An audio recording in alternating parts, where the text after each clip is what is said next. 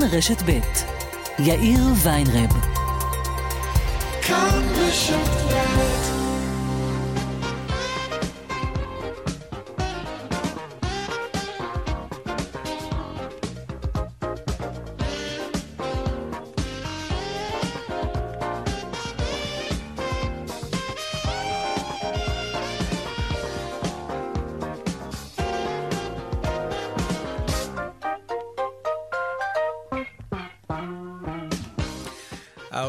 וכמעט חמש דקות, כאן צבע הכסף ברשת ב' יום שני, שלום רב לכם, בהפקה הילה פניני, טכנאי השידור רומן סורקין, הדועל שלנו כסף, כרוכית, כאן.org.il, אני יאיר ויינרב, מעכשיו עד חמש, אנחנו מיד מתחילים.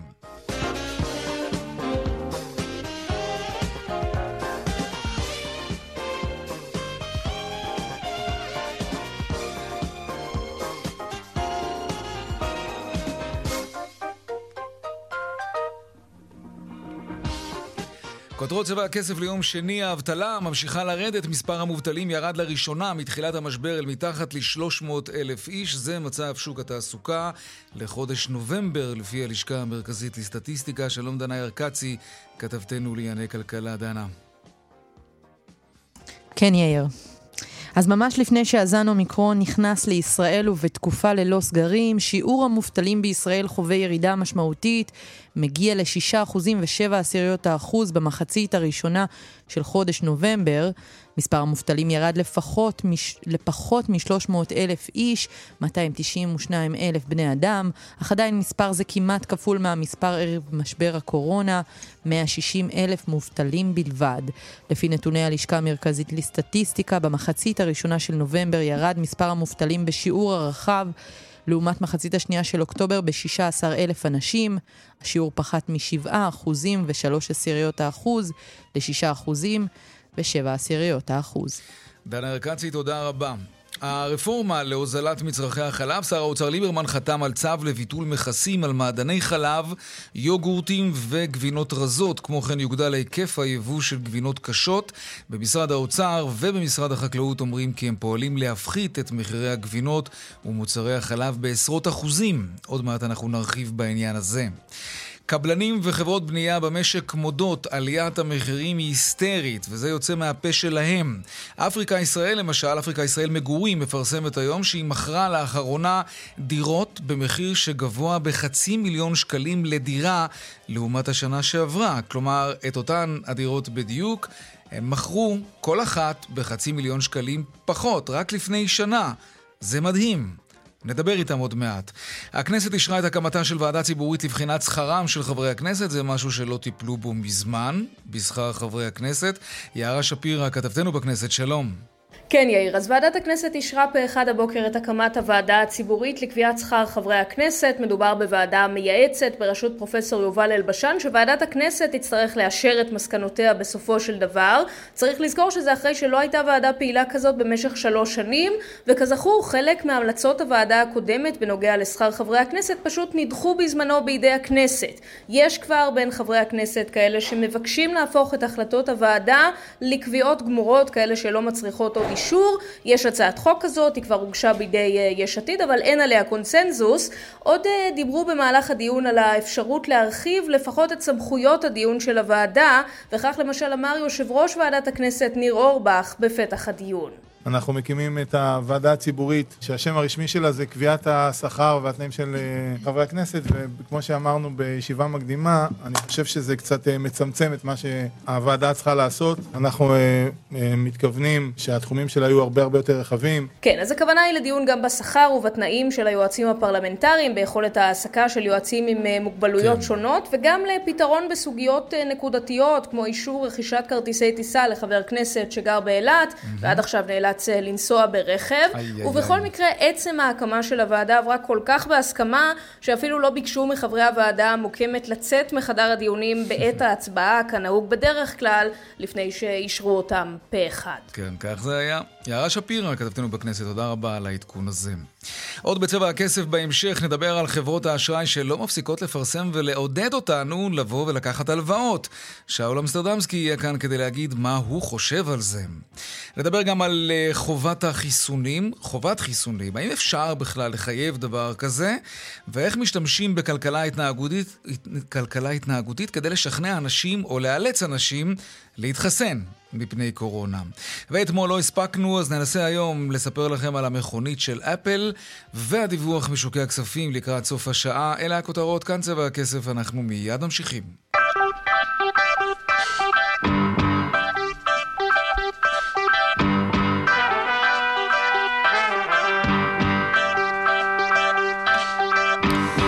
פותחים עם האבטלה שממשיכה להצטמצם, וזה מעודד. לראשונה מאז פרוץ המגפה, פחות מ-300 אלף מובטלים, כך מפרסמת היום הלשכה המרכזית לסטטיסטיקה, אבל יש מי שרואה את המספרים האלה, וזה עושה לו דווקא רע. שלום שי גל, ראש תחום כנסת וממשלה בפורום העצמאים מבית ההסתדרות, שלום. שלום יאיר, שלום לך ושלום למאזינים. אתה כועס, תסביר למה. אה, כן, אני כועס, אני לא כועס לבד, אני כועס יחד עם אה, הרבה מאוד עצמאים שנאלצו בתקופת הקורונה לסגור את העסק שלהם, להפסיק פעילות לחלוטין. חלקם לא חזרו אפילו, וחלק מהם מבקשים בחזרה את המענקים שהגדירו אותם כמענקים, לא כהלוואות. עכשיו אני אגיד לך דבר כזה, הממשלה הזאת נראה שהיא לא סופרת את העצמאים תרתי משמע. למה תרתי משמע? כי נתוני האבטלה הנמוכים כשהם מתהדרים בהם זה פיקציה. הם לא יותר נספרים בדוחות אקסל, כי הם לא, למעשה לא סופרים את אותם עצמאים שסגרו את העסקים שלהם. הם הרי לא רשומים כמובטלים, הם לא מקבלים דמי נכון. אבטלה. אז זה כאילו הם לא קיימים. מה, מה ההיקף? כלומר, כמה עסקים אני, אני מתאר לעצמי שאתה מדבר על עסקים קטנים בעיקר. כמה כן. כאלה קרסו בשנתיים האחרונות בגלל משבר הקורונה? עשרות אלפים, יש לי נתון מדויק רק כן? ל-2020, זה 65 אלף. 65 אלף עסקים נסגרו ב-2020. נסגרו ב-2020. נסגרו הרמטית? זהו, אין להם תקומה. נסגרו ולא, ולא שבו. עכשיו, יכול להיות שחלק מהם מצאו תעסוקה כזו או אחרת, אבל גם פה יש אבסורד, כי משרד הכלכלה לא משלם עבור הכשרות מקצועיות, הסבות מקצוע לעצמאים, לשכירים כן, הם מעודדים את זה. לעצמאים הם לא משלמים דמי קיום בתקופה הזאת. רגע, אני, אני רוצה שנייה אחת להבין, כי הביטוח הלאומי ו, וגם משרדי הממשלה מאוד mm-hmm. מתהדרים ו, ו, וגם מעודדים אנשים ללכת להכשרות מקצועיות. הם טוענים נכון גם שזה מאוד. אחד מהמנועי הצמיחה החזקים של המשק. נכון רגע, מאוד. רגע, שאני אבין, נכון, אם בעל עסק, מישהו שהייתה לו חנות רהיטים, לא יודע, ברחוב mm-hmm. הרצל בתל אביב, נאלץ לסגור. הוא היום ניגש כדי לקבל זכאות להכשרה מקצועית, אומרים לו, לא, לא, לא, לא, לא, לא, אתה לא, לא, לא שכיר. לא, יגידו לו, תבוא בשמחה להכשרה מקצועית, אבל לא תקבל... Uh... לא תקבל דמי קיום בתקופה הזאת, כי עמיתך השכיר. אהה. כן, אוקיי, אה, זאת נקודה אה, מעניינת. רבים מהם זה, זה בעצם מתכתב היטב עם זה שלעצמאים... לא זה, כן, זה כן, מתכתב עם זה שלעצמאים אין דמי אבטלה גם. נכון, נכון, ואני אגיד לך עוד משהו, אתה בוודאי זוכר שלפני אה, כמעט חודש מאוד uh, שמחו וחגגו ופתחו שמפניות על חוקים, הצהרות חוק שהעבירו בקריאה טרומית. מה קרה עם זה מאז? כלום. שום דבר. אתה מדבר על מה? על, על, על דמי אבטלה לעצמאים? על חוקים של דמי אבטלה לעצמאים, כן, כן אישרו נכון. שורה של שישה חוקים פרטיים. כן, כמה מסלולים, כל עצמאי יוכל לבחור לעצמו איזה מסלול הוא רוצה. לא, אישרו כל מיני סוגים, כן. שהוועדה, ועדת הרווחה אמורה להתכנס ברגע שהממשלה תגיש הצעת חוק ממשלתית לעניין הזה. אבל העבירו את זה כמה ימים אחרי תקציב מדינה. ו... ומאז לא, לא שמעתם מזה. מאז לא שמענו על זה, נכון מאוד. טוב. עכשיו, אז בעצם אתה מסתכל על המספרים האלה, על 6.7% אה, שיעורי, שיעור אבטלה, שזה באמת הולך ומצטמצם, פחות מ-300 אלף מובטלים, ואתה נכון, אומר... נכון, וטוב שכך, שזה אומר, מצטמצם, אבל הנתונים האלה הם לא אמיתיים. אנחנו לא בפנים. כלומר, לא. עשרות אלפי עסקים קטנים ש- שפרנסו את בעל העסק, ואולי אפילו גם עוד עובד אחד או שניים, כשהעסק הזה קרס, אז האנשים האלה לא נספרים, לפחות בעלי לא העסק לא. נספרים, לא, לא מאפשרים להם הכשרות, זאת אומרת, מאפשרים להם הכשרות, אבל לא משלמים להם בגין התקופה הזאת שהם הולכים להכשרות, וכמובן הם לא זכאים לדמי אבטלה. ואלה שקיבלו מענקים, מבקשים להם להחזיר אותם רק כי הם הפסידו 38% ולא 40, לדוגמה, ולא 40 כן, שמענו גם על אלה זה. אלה שנלחמו בעור שיניהם כדי להחזיק את הראש מעל המים ולהמשיך לשלם שכר לעובדים, אותם מענישים. מענישים אותם ולוקחים להם בחזרה את המענקים. שי גל, ראש תחום כנסת וממשלה בפורום העצמאים בבית ההסתדרות. אה, נאחל שהדברים בכל זאת יסתדרו איכשהו. תודה רבה, יאיר. תודה. להתראות, שי. טוב, עכשיו אנחנו נדבר על משהו שאנחנו, הציבור, ייחלנו לו הרבה מאוד זמן. אה, כל מי שנוסע לחוץ לארץ ומסתובב במרכולים, רואה לפעמים אה, את המחירים של מוצרי החלב למשל. עד כמה הם זולים יותר בחו"ל, לא רק הם, אתם זוכרים גם את משבר המילקי למשל. אה, זה סיפור אחר לגמרי כשמסתובבים בחו"ל. אז, אז פה אולי בקרוב אנחנו נוכל לראות מחירים של מוצרי חלב, מחירים שפויים יותר. כי שר האוצר ליברמן חתם על צו לביטול מכסים על מעדני חלב, יוגורטים וגבינות רזות, ולא רק זה, גם יוגדל היקף היבוא של גבינות קשות, גבינות צהובות למשל. כל זה אמור להביא להוזלת מחירים של מוצרי חלב רבים. אמור, אמור, כן, לא, לא בטוח שזה מה שיקרה. זה מה ש... אין מנוס מהקלישאה, הימים יגידו. שלום דנה ירקצי, כתבתם בענייני כלכלה. כן, אה, היי יאיר. אז משרד האוצר ומשרד החקלאות מודיעים על הסרת המכסים על שורת מוצרי חלב וגם מגדילים את אה, המכסות ליבוא של מוצרי חלב נוספים. באוצר מעריכים שהמהלכים האלה יביאו לגידול חד ביבוא של מוצרי חלב לישראל ובכך יוזילו אה, בעשרות אחוזים את המחירים הגבוהים בישראל יחסית לאירופה כיום. המהלך הזה הוא המשך ישיר לפטור המוחלט ממכס על יבוא חמאה שניתן לפני כשנתיים, ובאחרונה גם uh, הודיעו משרדי האוצר והחקלאות על הסרת הפיקוח על מחיר החמאה. Uh, המהלך הזה, לפי האוצר, נעשה בהידברות והסכמות עם תעשיית החלב, ובכך יורדו המכסים מחלק ממוצרי החלב, גבינות רכות עד חמישה אחוזים, אחוזי שומן, יוגורט mm-hmm. והמעדני החלב. אה, לפי משרד האוצר, המוצרים האלה יקרים במיוחד בישראל, נכון. המחיר לצרכן לקילוגרם יוגורט באירופה הוא כשמונה שקלים וחצי, שקלים בממוצע, לעומת 17 שקלים בישראל. מדהים, זה פער מטורף. כן, אבל יהיה מעניין אה, לראות את זה, איך זה יעשה אה, במבחן המציאות אה, בשטח. שזה אה, אומר מה, מה יכול להיות שיבואנים... רשתות השיווק הם אלו שקובעים mm. בסופו של דבר את המחירים, וכבר ראינו... אה, מה זה ראינו? רק לאחרונה, הרי יש חקירה שנמצאת בעיצומה, נכון, נכון עדיין, כן, על תיאום מחירים כן. בין הרשתות וכולי. וגם בין היצרנים. טוב, אנחנו כולנו מקווים שבסופו של דבר זה יתנהל כמו שצריך, ואז יהיה באמת אולי כלכלי מאוד לייבא מוצרים כאלה מחו"ל ולמכור אותם במחירי מדף שיוכלו להתחרות עם, עם היצרנים המקומיים. זה, זה יוריד מחירים אולי גם של היצרנים. נדבר איתם עכשיו. דנה ארקצי, תודה רבה. תודה. איציק שניידר, מנכ"ל מועצת החלב, שלום. אהלן, ערב טוב. גם לך. ראיתי שבירכתם על המהלך הזה, שהוא בעצם היה בתיאום איתכם, נדמה לי ששר האוצר אמר את זה. באמת, באמת, באמת ככה בירכתם, או, ש, או שבירכתם בלב כבד ולא הייתה לכם באמת ברירה? לא, אנחנו בירכנו בלב שלם, אנחנו בעצם הגענו להסכמות עם משרד האוצר ומשרד החקלאות, הסכמות אה, בעיניי אה, טובות וראויות, שמצד אחד באמת, כמו שהצגתם בפתיח, אה, יאפשרו הגדלת היבוא והתחרות, מצד שני הכל נעשה במידתיות וגם אה, שומר על הייצור המקומי, גם, איך שומר על, גם ברשתות וגם אה, בתעשייה. אם אפשר לייבא לארץ עכשיו בצורה, אה, נדמה לי, בלתי מוגבלת, מגוון רחב של מוצרי חלב, איך זה בדיוק שומר על היצרנים המקומיים? אולי על המחלבות הגדולות כן, אבל, אבל המחלבות הקטנות, יהיה להם קשה מאוד להתמודד. תראה, בעצם, בעצם בהבנות האלה שאנחנו הגענו אה, כן. אה, אליהם, אה, אנחנו מתחלקים בגידול בביקושים בין השוק המקומי, הרפתנים שלנו, לבין הפתיחה ליבוא. זה משהו שהוא נעשה בצורה מאוד מידתית ומאוד הדרגתית, וזה משהו שאנחנו בהחלט מברכים עליו ויכולים לחיות איתו. אני חושב שזה דוגמה ל, ל, לרפורמה טובה שהיא כן. נעשית בשלבים, ובהחלט אה, אה, לוקחת את כל אה, הצרכים של כל השחקנים בחשבון. אבל תסביר לי, איך, איך למשל החקלאים, הרפתנים הישראלים יכולים להתחרות עם, עם הרפתנים הטורקים, או, או אתה יודע מה, או בכלל חקלאים מהבלקן, בולגריה, קרואטיה, רומניה. כוח העבודה במקומות האלה הוא זול יותר, ומטבע הדברים המוצרים הם זולים יותר, באופן דרמטי, לא שקל פה, שקל שם. הכל שם יותר זול. ז, ז, לי זה מרגיש כמו מכת מוות לחלק מהמחלבות בארץ. לא, אני לא חושב. אה, יש פה איזונים ויש פה בלמים, וצריך לזכור שבסוף יש לנו את הדבר הכי, הכי חשוב של... אה, ש... וזה הצרכן הישראלי שמכיר את המוצרים שלנו, שאוהב את המוצרים שלנו, שמביע אמון ב... במוצרים שלנו, והמוצרים שלנו בסוף הם הכי טעימים והכי איכותיים והכי טובים.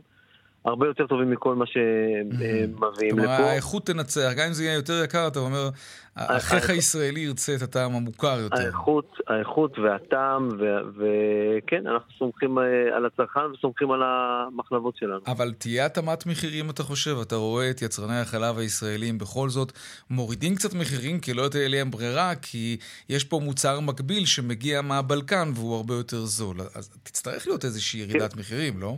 תראה, יאיר, אני, אני, אני מקווה שתהיה ירידת מחירים, אבל אה, גם אתם התייחסתם בפתיח לזה. אה, אנחנו רואים מה קורה במדינת ישראל, היבואנים אה, מביאים מה שנוח להם ומה שטוב להם, זה לא יצרניות במדינת ישראל שמחויבות להביא את כל המגוון ולספק את החלב לאורך כל השנה בכל מצב ביטחוני ובריאותי. הם דגים את המוצר שבדיוק עליו יש עודף ויכול להיות שעכשיו הוא גם נמצא במחיר טוב ומביאים אותו, אבל כשהוא מגיע לפה הם מרימים את המחיר, יש לנו כשל שוק בתחום הזה של, ה, של היבואנים, כמו ברשתות, מעט מאוד שחקנים ששולטים על הרבה מאוד נתח שוק. אני קורא לממשלה בהזדמנות הזאת להמשיך ולטפל הלאה בשרשרת, זה לא חוכמה להסתכל mm. רק למטה על אומר. ועל הרפתנים. אתה בעצם אומר עכשיו לציבור, לציבור המאזינים שלנו כאן בצבע הכסף, אל תצפו שהמחירים ירדו.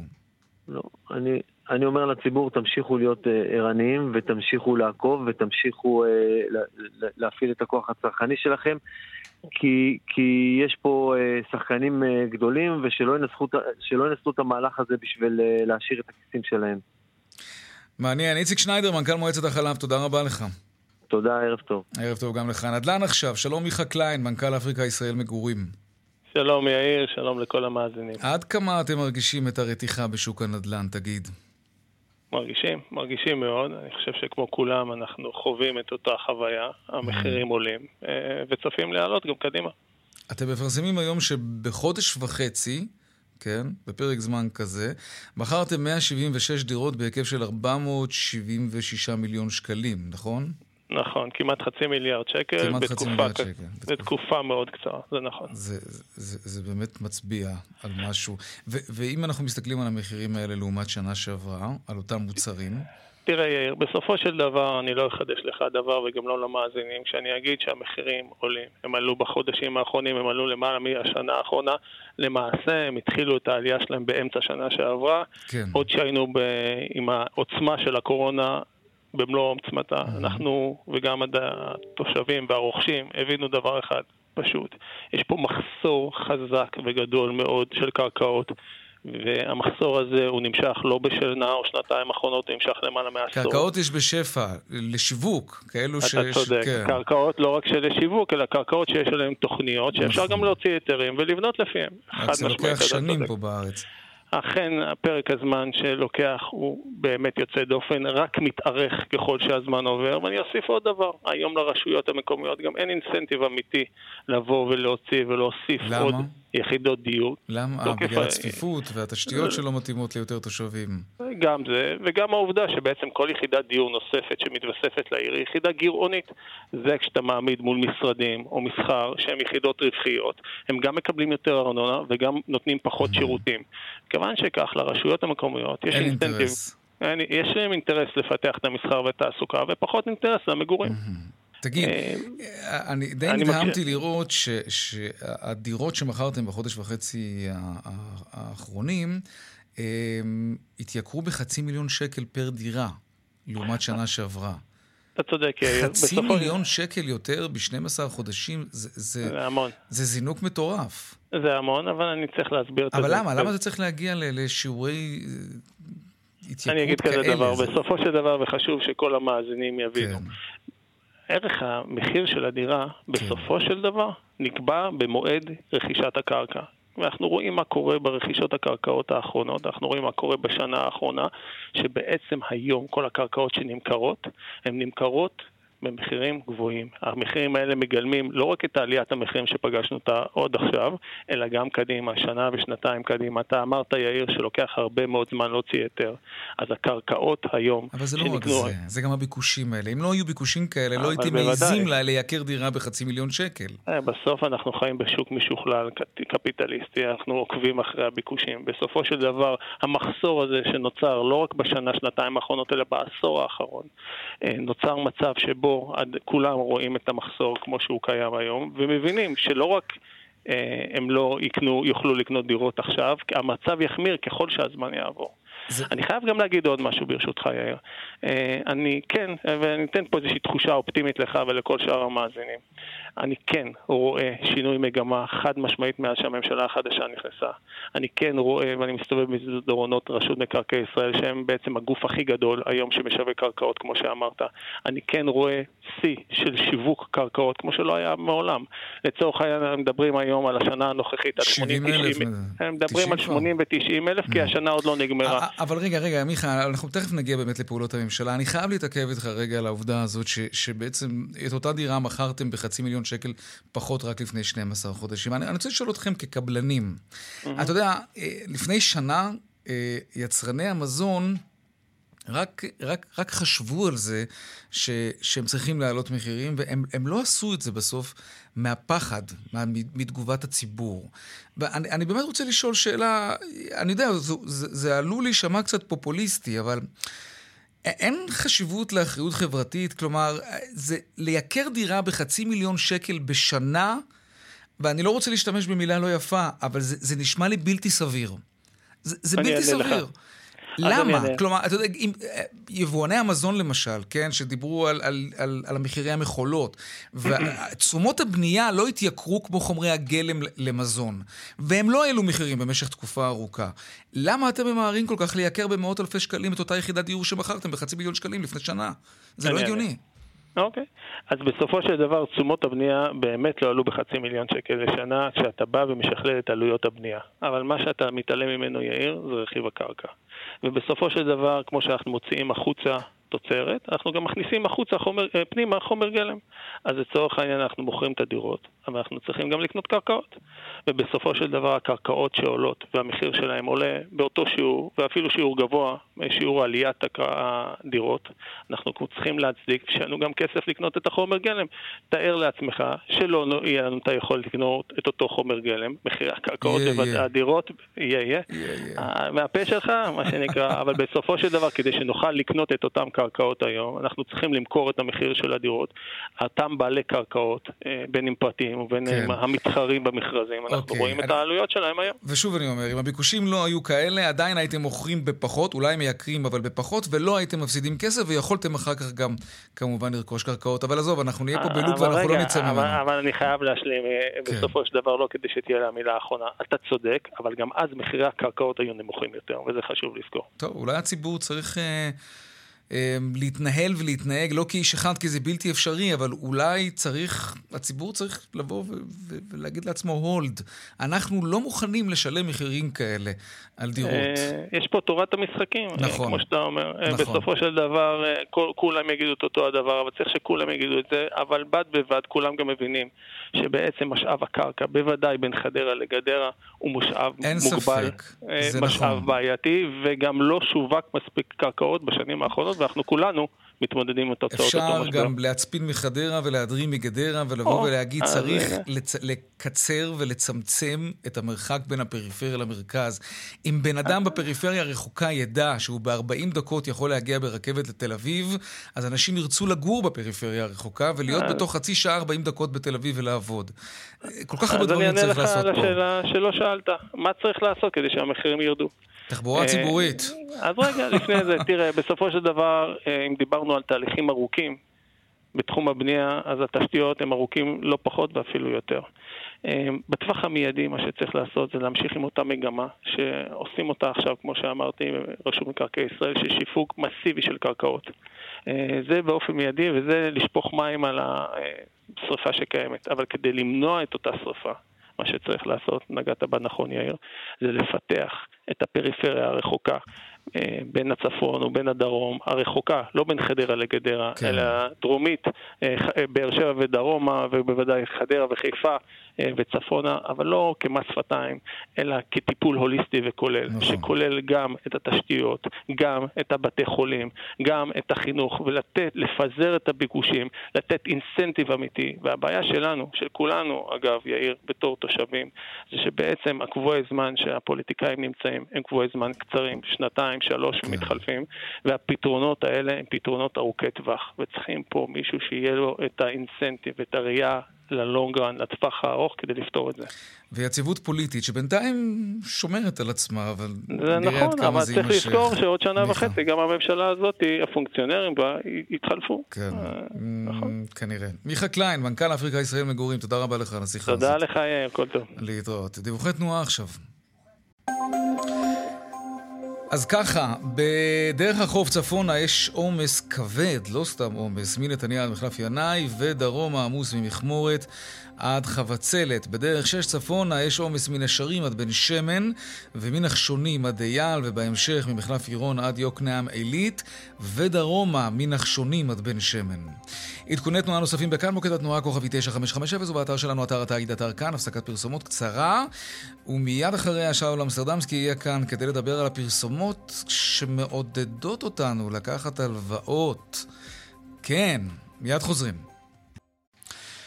32 דקות אחרי השעה 4. עכשיו, בטח נתקלתם בזה, אי אפשר שלא. אה, פרסומות די אגרסיביות, כבר הרבה זמן, ברדיו, בטלוויזיה, בדיגיטל, הלוואות מהירות, כאן ועכשיו, תוך כמה שעות הכסף אצלכם, בואו, קחו, תהנו, הכל טוב, יאללה, בואו.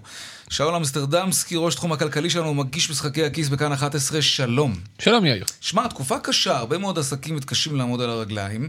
תנועת הלקוחות עדיין לא כמו פעם, אנשים צריכים כסף, גם שכירים אגב. Mm-hmm. הלוואה תמיד הייתה דבר לגיטימי כדי להתאושש, אם בחיים האישיים שלך ואם בחיים העסקיים שלך. מה רע בזה? אמ, אוקיי, בוא נחשוב על זה שנייה. תראה, כשאתה לוקח הלוואה, למשל, כזאת ש... בסיכוי לא רע, מה שזה לא יהיה שאתה עושה עם הכסף הזה שאתה לוקח בשביל ההלוואה, יניב לך בסופו של דבר, אה, אתה יודע, פירות, בין אם זה, לקחתי עכשיו הלוואה בשביל אה, לממן את, אה, אה, לממן את הלימודים שלי, או לקחתי הלוואה אה, בשביל לקנות דירה, שאני חושב שזו השקעה שתניב פירות, או השקעתי בעסק, פתחתי קו ייצור וכולי, אז זה הלוואות עם סיכון, כי כל הלוואה עם סיכון, אבל יש שם סיכוי לא רע בשביל שהדבר הזה יהיה יותר מכמה שאתה שלם ריבית על ההלוואה. אבל, כשאתה לוקח ריביות בשביל לממן, אה, הלוואות בשביל לממן את הצריכה השוטפת שלך, mm. זה ממש תמרור אזהרה לזה שאתה עושה משהו משהו לא נכון. כי אם אתה צורך יותר ממה שאתה מכניס באופן שוטף, עד כדי כך שאתה זקוק לאשראי בשביל להמשיך להתנהל כך, זה ממש כאילו, מיש, זה, במקום זה עדיף שמישהו יבוא ויצעק עליך, אה, זה הזמן לעצור ולבדוק את כל מה שאתה עושה, כי משהו לא בסדר במה שאתה עושה. כלומר, עדיף לעשות חשבון נפש ולהגיד, אוקיי, אני, אני צריך לקצ... לצמצם הוצאות כן. לפני שאני לוקח הלוואה. או להגדיל הכנסות, כן, אחד מהם. אוקיי. חד משמעית. עכשיו, לצערי, אה, אחד הדברים שאנחנו, אה, בשוק הזה של שוק האשראי, יש יותר תחרות בשנים האחרונות, במובן זה, לאו דווקא במחירים, בריביות, אלא במובן זה שיש יותר שחקנים שמציעים היום הלוואות. אלה גם הבנקים, וגם חברות כרטיסי אשראי, וגם חברות אה, מימון חוץ בנקאיות, כמו מימון ישיר או פנינסולה, כל מיני דברים כאלה, וגם ה-SMSים המעצבנים האלה שאתה מקבל לפעמים בטלפון, כן. יופי. כולם מציעים לך אשראי. והרבה פעמים האשראי הזה, ההלוואות האלה שמציעים, זה הלוואות לצריכה שוטפת. לא מזמן ב Black Friday, אני אשכרה ראיתי מודעות של כל מיני גופים גופי אשראי, חברות כרטיסי אשראי, בוא קח הלוואה בשביל ה Black Friday. לא זה לא סביר. כן. זה לא סביר. וספציפית, אתמול הזמנת אותי אה, לבוא לדבר על זה, בגלל איזושהי כתבת תוכן שיווקי של חברת כרטיסי אשראי מקס, שהופיע, אתמול זה היה באתר ynet, אבל לפני זה זה היה במאקו, זה בכל מקום. ומה שמציעים אה, ללקוחות שלהם במקס, זה אשראי מתגלגל. שזה בעיניי באמת... השיטה האמריקאית. השיטה האמריקאית, הם גם כן. משווקים את זה בתור השיטה האמריקאית, כאילו זה משהו טוב. זה לא משהו טוב, זה משהו רע, בעיניי. בוא נסביר מה זה יופי, קודם. זה אומר ככה, אתה נגיד מוציא, לא יודע מה, עשרת אלפים שקלים בחודש בכרטיס אשראי, בסדר? Mm-hmm. אבל זה קצת גדול עליך עשרת אלפים שקלים בחודש. האם תקטין את ההוצאות שלך? לא. מה פתאום? במקס אומרים בוא נעשה דבר אחר. בוא נגביל תקרת ההוצאות שלך ל-8,000 שקלים בחודש, בסדר? ו-2,000 שקלים יעברו לחודש הבא. מתגלגל. Mm. ואחרי זה, גם בחודש הבא זה יהיה 8,000 שקלים, ואם לא תעמוד בזה, זה יעבור לחודש אחרי. כבר גלגלתי 4,000. זה ככה, 4,000 ואחרי זה עוד, עוד 2,000 זה 6,000, ועל כל הטוב הזה, בשלושת החודשים הראשונים יש מבצע, אתה לא משלם ריבית. ואחר כך באות הריביות באבו אבו, ואתה תקוע עם פשוט בעיה הרבה יותר גדולה ממה שהיית בה מלכתחילה. עכשיו, to be fair, כשאני מדבר עם מקס, אומרים לי, תשמע, האנשים האלה במילא משלמים על זה, משלמים על זה במינוס בבנק, בריביות די גבוהות, והם צודקים, שיעשה את זה אצלנו, ואנחנו ניתן לו ריביות יותר טובות. הם בעצם מציעים לך להעביר את המינוס מהבנק לחברת כרטיס האשראי, ואולי זה טיפונת יטיב איתך. זה לא. כי מהר מאוד האנשים האלה יהיו גם במינוס בבנק וגם במינוס במקס, וישלמו איזה ריביות אה, מלוא, מלוא הטנא, וזה מצב איום ונורא. אני באופן אישי חושב שהמוצר הזה עדיף לעולם להיות בלעדיו, שלא יהיה בכלל, הרגולטור לא אוסר את זה, בנק ישראל לצערי, אבל... סוג של דחיינות, שזה בכלל דבר רע. נכון, נכון, אה, מבלי שאנשים, אני חושב, מבינים את המחיר שלה עד הסוף. בקיצור, אם יש לכם איזושהי דרך להימנע מאשראי מתגלגל, אנא, אל תיקחו את הדבר הזה. אחלה טיפ. שלום סטרדמסקי, ספר לנו מה היה היום במשחקי הכיס. את uh, משחקי הכיס הערב אנחנו נפתח בעוד גוף פיננסי שמציע הלוואות mm. לאחת המות, המטרות המוזרות ביותר שהייתי יכול לחשוב עליהן. אתה רוצה שאני אגלה לך עד הסוף? תן איזה ספוילר, אם אתה רוצה עד הסוף אז כן. לא, אני אשאיר את ההפתעה. אז תן איזה ספוילר. אני אגלה לך בסוד בוואטסאפ, אבל אה, בנק לאומי מציע הלוואות באמת למטרה הזויה לחלוטין, הערב במשחקי הכיס בכאן 11 ושבע. שלום סטרדמסקי, ראש התחום הכלכלי שלנו, תודה רבה. תודה. טוב, לעניין הבא שלנו, אה, כמה וכמה מדינות מתחילות לשקול ברצינות להחיל חובת חיסונים על הציבור. האמת שגם בארץ יש קולות כאלה, אבל פה זה עוד רחוק, וכנראה גם לא ממש יקרה, זה לא האופי שלנו לחייב אנשים בכוח להתחסן, אבל אה, יש מקומות בעולם שזה, כן, אולי יכול להיות חלק מהשיח הציבורי. מדברים על זה שם ברצינות, אוסטריה למשל. שלום דקלה אהרון שפרן, כתבתנו לענייני בריאות. שלום יאיר. פודקאסט חדש, אה, עוד יום, מבית כאן חדשות, שיעלה מחר בבוקר, עוסק בדיוק בשאלה הזאת.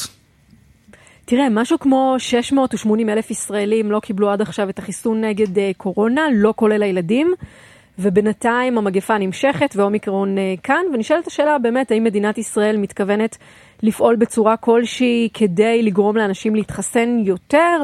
בשבוע שעבר אמר פרויקטור הקורונה, פרופסור סל... סלמן זרקא, שצריך לבחון כמה אפשרויות להתמודדות עם האומיקרון, כולל האפשרות להטיל חובת חיסון בישראל. הוא אמר את, הדברים ברדיו 103 FM. עכשיו תשמע, אנחנו רואים שבאמת, כמו שאתה אומר, במדינות שונות בעולם, לא רק אה, מדינות שאיך נאמר, חופש הפרט הוא לא נר לרגליהם, העניין הזה של חובת חיסונים אה, עולה. אתה ציינת את אוסטריה, בגרמניה, מדברים על כך שיתחילו להטיל קנס. על מי שלא יתחסן. יכול להיות שאפילו קנס משמעותי. ונשאלת השאלה האם דבר כזה יכול לקרות גם כאן uh, בארץ. עכשיו יש כאן הרבה מאוד רבדים על אילו לסיפור הזה. קנסות מדברים למשל? תשמע, אה, אנחנו מדברים על, על קנסות, אני רק אגיד לך שבעבר כאן בארץ דובר גם כן על קנסות בנוגע למחלות אחרות, אבל אז נאמר דובר על קנס בסדר גודל של משהו כמו 100 שקלים, שזה, אתה יודע, דבר אחד שאפשר להגיד שזה... אתה יודע, אולי משהו שאנשים... מי שבאמת מתנגד לחיסון זה לא משהו שישלח אותו לקופת החולים עכשיו. ממש ככה. אנחנו, אבל מצד שני, מדברים על כך שבאוסטריה, לדוגמה, דובר על כך שבפברואר ייכנס uh, לתוקף חוק חיסון uh, חובה לקורונה, שמי שיעבור עליו, ככל הנראה, יצטרך uh, לשלם קנס של 3,600 יורו. או, זה כבר קנס. זאת כבר שאלה אחרת, ונשאלת השאלה האם זה דבר שיכול לקרות כאן בישראל. עכשיו תשמע, חייבים להגיד כבר בשלב הזה, אנחנו אומרים חובת חיסונים, וזה נשמע נורא מפחיד, אבל באמת בשום קונסטלציה אף אחד לא מדבר בשום מקום על לקחת בן אדם ולדחוף לו מזרק לזרוע. כן. אבל באמת השאלה היא לגבי אה, מה שציינו עכשיו, קנסות, או אתה יודע, יש סוגיות שעולות לגבי עובדים שלא התחסנו. Mm-hmm. לדוגמה, במקומות מסוימות, בארצות הברית, אה, במקומות מסוימים בארצות הברית, אה, נאמר במגזר הציבורי, בענפים מסוימים, אנשים לא יוכלו להמשיך בעבודתם אם הם לא מתחסנים. Mm-hmm. ואנחנו uh, מחר באמת נעלה בבוקר פרק uh, בפודקאסט של uh, כאן בעוד יום בעניין הזה, ממש מחר בבוקר. דיברנו בנושא עם מומחים בתחום, ואני יכולה לומר לך כבר עכשיו שזה נושא סופר מורכב. הנה תראה לדוגמה, uh, דיברנו עם דוקטור מאיר עזרא אליהו, רופא ילדים, יושב ראש עמותת uh, מחוסגן, שאמר לנו שהוא דווקא מתנגד לחיוב אנשים להתחסן. אם אי פעם יקרה מה שאני לא חושב שיקרה, ואיש הקש ייכנס לתוקף, ותחול חובת חיסונים עם כפיית חיסונים אמיתית במדינת ישראל, את תראי אותי צועד ברחובות נגד זה עם האויבים הכי גדולים שלי לכאורה, מתנגדי החיסונים. כי לכל דבר יש גבול, הדבר הזה לא יקרה אף פעם, אבל אם באיזשהו אופן תיאורטי מדהים הוא יקרה, אני אהיה בצד שלהם. לא בצד של כפיית חיסונים או חובת חיסונים. הוא צודק במאה אחוז, אני אצטרף אליו להפגנה, אבל בכל זאת, ממה שתיארת קודם, נראה שמדינות מנסות באמת אה, לגייס כל מיני טקטיקות של כלכלה התנהגותית, אפשר בהחלט להגדיר את זה ככה, כדי לדחוק באנשים ללכת ולהתחסן. זו הדרך, זו הדוקטרינה. לא, זה, ממש, זה ממש נכון, אתה מדבר כאן בעצם... על uh, ארגז כלים שמדינה באה ואומרת איך אני יכולה לנסות להשפיע על האזרחים שלי לנהוג בצורה מסוימת. במקרה הזה uh, לגרום להיענות לחיסונים uh, לעלות. אז תשמע, גם תו ירוק זה בעצם בדיוק נופל, נכון. העניין הזה נופל בדיוק שם, כלומר, אתה לא מכריח אנשים להתחסן, אבל אתה אומר שמי שלא יתחסן לא יוכל אולי להיכנס לפעילויות מסוימות, לא יוכל להגיע למקומות מסוימים. לא יוכל לחזור ולכן, לשגרה, כמו כולם. בדיוק, כן. ולכן בעצם אתה מפעיל עליו לחץ, יש אנשים שגם באים ואומרים, תשמע, יש כאן גם לחץ חברתי, היום הורה שאולי לא מחסן את הילד שלו, אז uh, אתה יודע, אולי יסתכלו עליו בעין uh, קצת עקומה, אולי mm-hmm. זה כבר פחות מקובל, הילד יצטרך להיכנס לבידודים. זה, זה, יש כאן באמת הרבה מאוד שאלות, אני יכולה להגיד לך, לדוגמה שנשיאת הנציבות האירופית uh, התייחסה בשבוע שעבר לעניין הזה, והיא אמרה שבאיחוד האירופי צריכים לשקול חובת חיסונים כדי להתמודד לדוגמה עם אומיקרון. אלה דברים ש... לא שמענו עליהם בעבר, אה, אולי, אתה יודע, עם החצבת היו קצת אה, אה, דברים דומים נכון. וכולי, אבל, אבל באמת לא בקונסטלציה כזאת של מגפה עולמית. ונשאלת השאלה איך יפעלו מדינות שונות, אנחנו, רואות, אנחנו רואים מה קורה באירופה, בגרמניה ובאוסטריה, יש כל מיני עניינים אחרים ביוון, יש כמובן מה שקורה במדינות טוטליטריות. Mm-hmm. אני רק אגיד לך שאנחנו לא המצאנו את העניין הזה עכשיו ב-2019 עם הווירוס הזה שהגיע אלינו מסין, אני יכולה להגיד לך ש... אה, לצורך הפרק הזה אני עברתי על דברים שהיו אפילו ב-1949 עם הבעבועות שחורות כאן בארץ.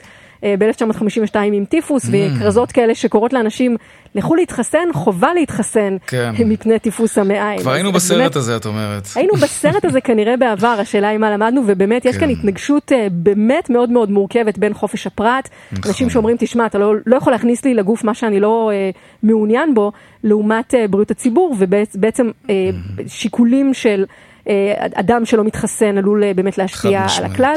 נושא באמת uh, מרתק, uh, אתה מוזמן גם כן להיכנס מחר בבוקר. אה, להאזין באפליקציה החביבה עליך בפרק הזה. כמו כל ההסכתים שלנו עוד יום.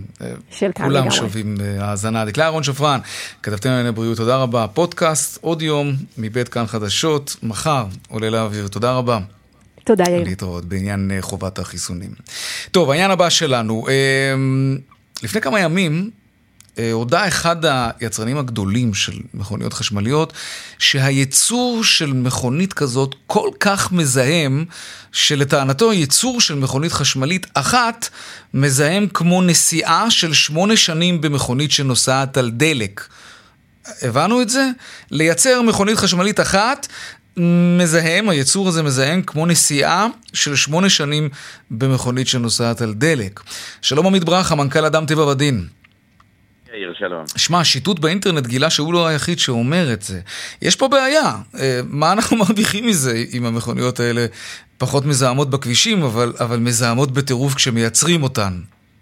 כן, תראה, אה, הוא באמת מדבר על תהליך הייצור, אה, ומדובר על חברת וולבו, שלראשונה באמת מודה בכך.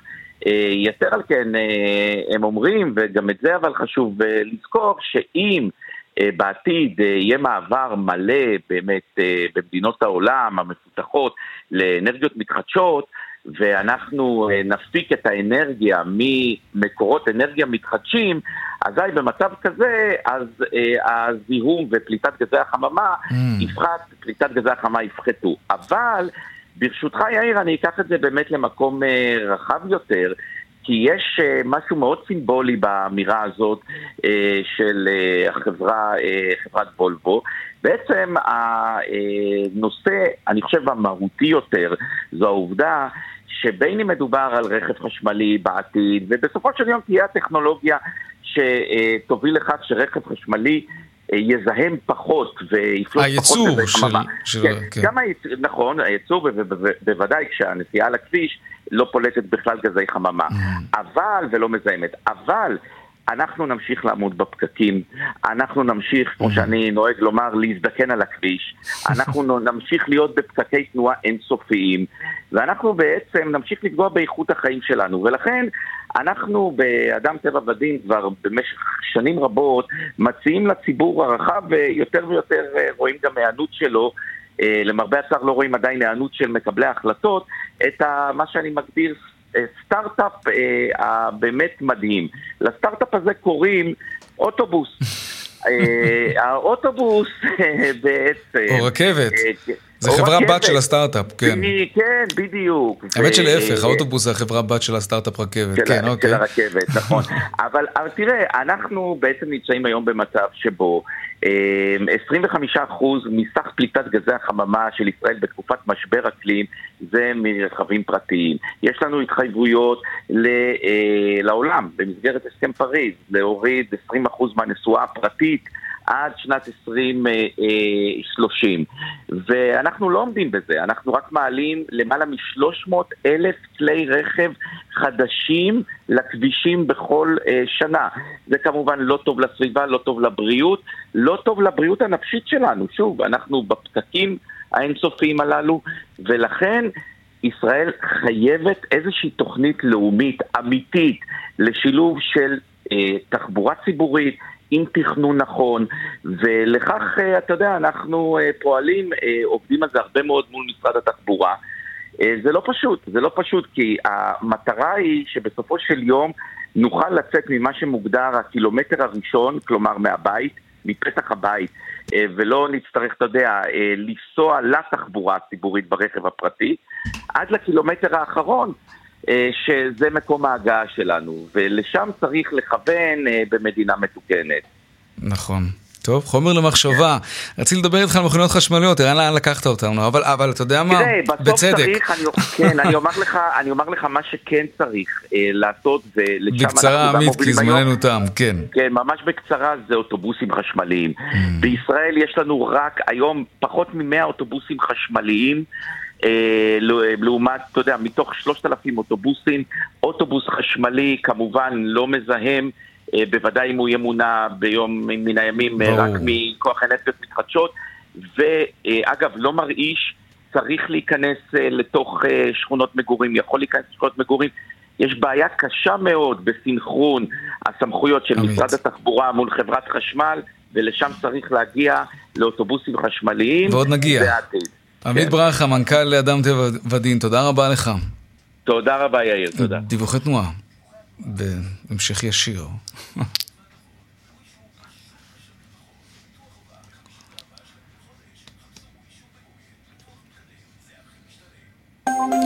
טוב, נספר לכם מה קורה באיילון. איילון צפונה עמוס ממחלף חולון וקיבוץ גלויות עד הרצליה, ודרומה מקק"ל עד לגוארדיה, ובהמשך מקוממיות עד מחלף משה דיין. בדרך חמש מזרחה עמוס מגלילות לכיוון מחלף קסם. עדכוני תנועה נוספים בכאן מוקד התנועה, כוכבי 9550, ובאתר שלנו, אתר התאגיד אתר כאן. הפסקת פרסומות ממש קצרה, ומיד אנחנו חוזרים לדבר על המכונית של אפל וגם על העדכון בשוקי הכספים. ביי, מיד חוזרים.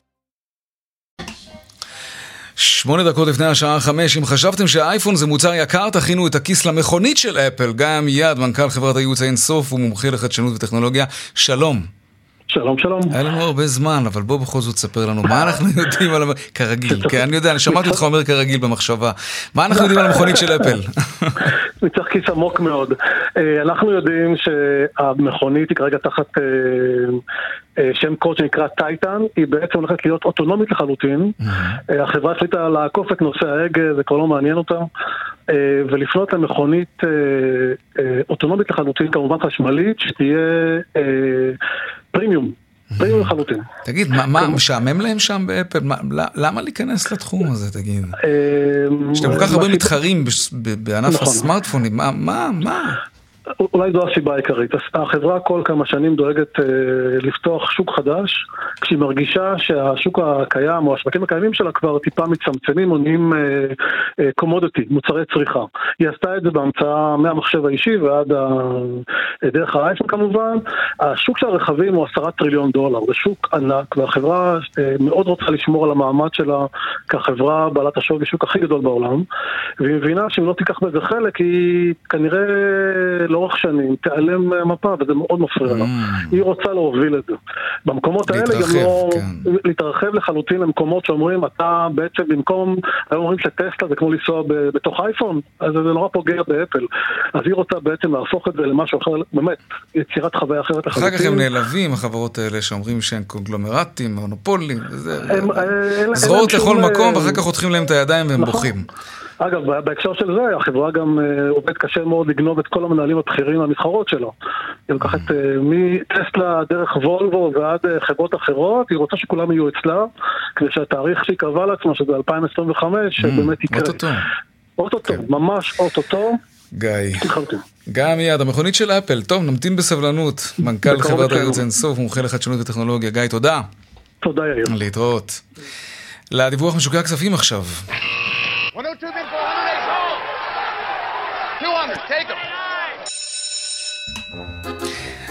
רואה החשבון אמיר אייל, יושב ראש אינפיניטי, שלום. יש לנו דקה ועשר שניות לרוץ על השווקים. שלום יאיר, אז נעשה את זה בקצרה. כן. המחלקים בתל אביב עולים היום.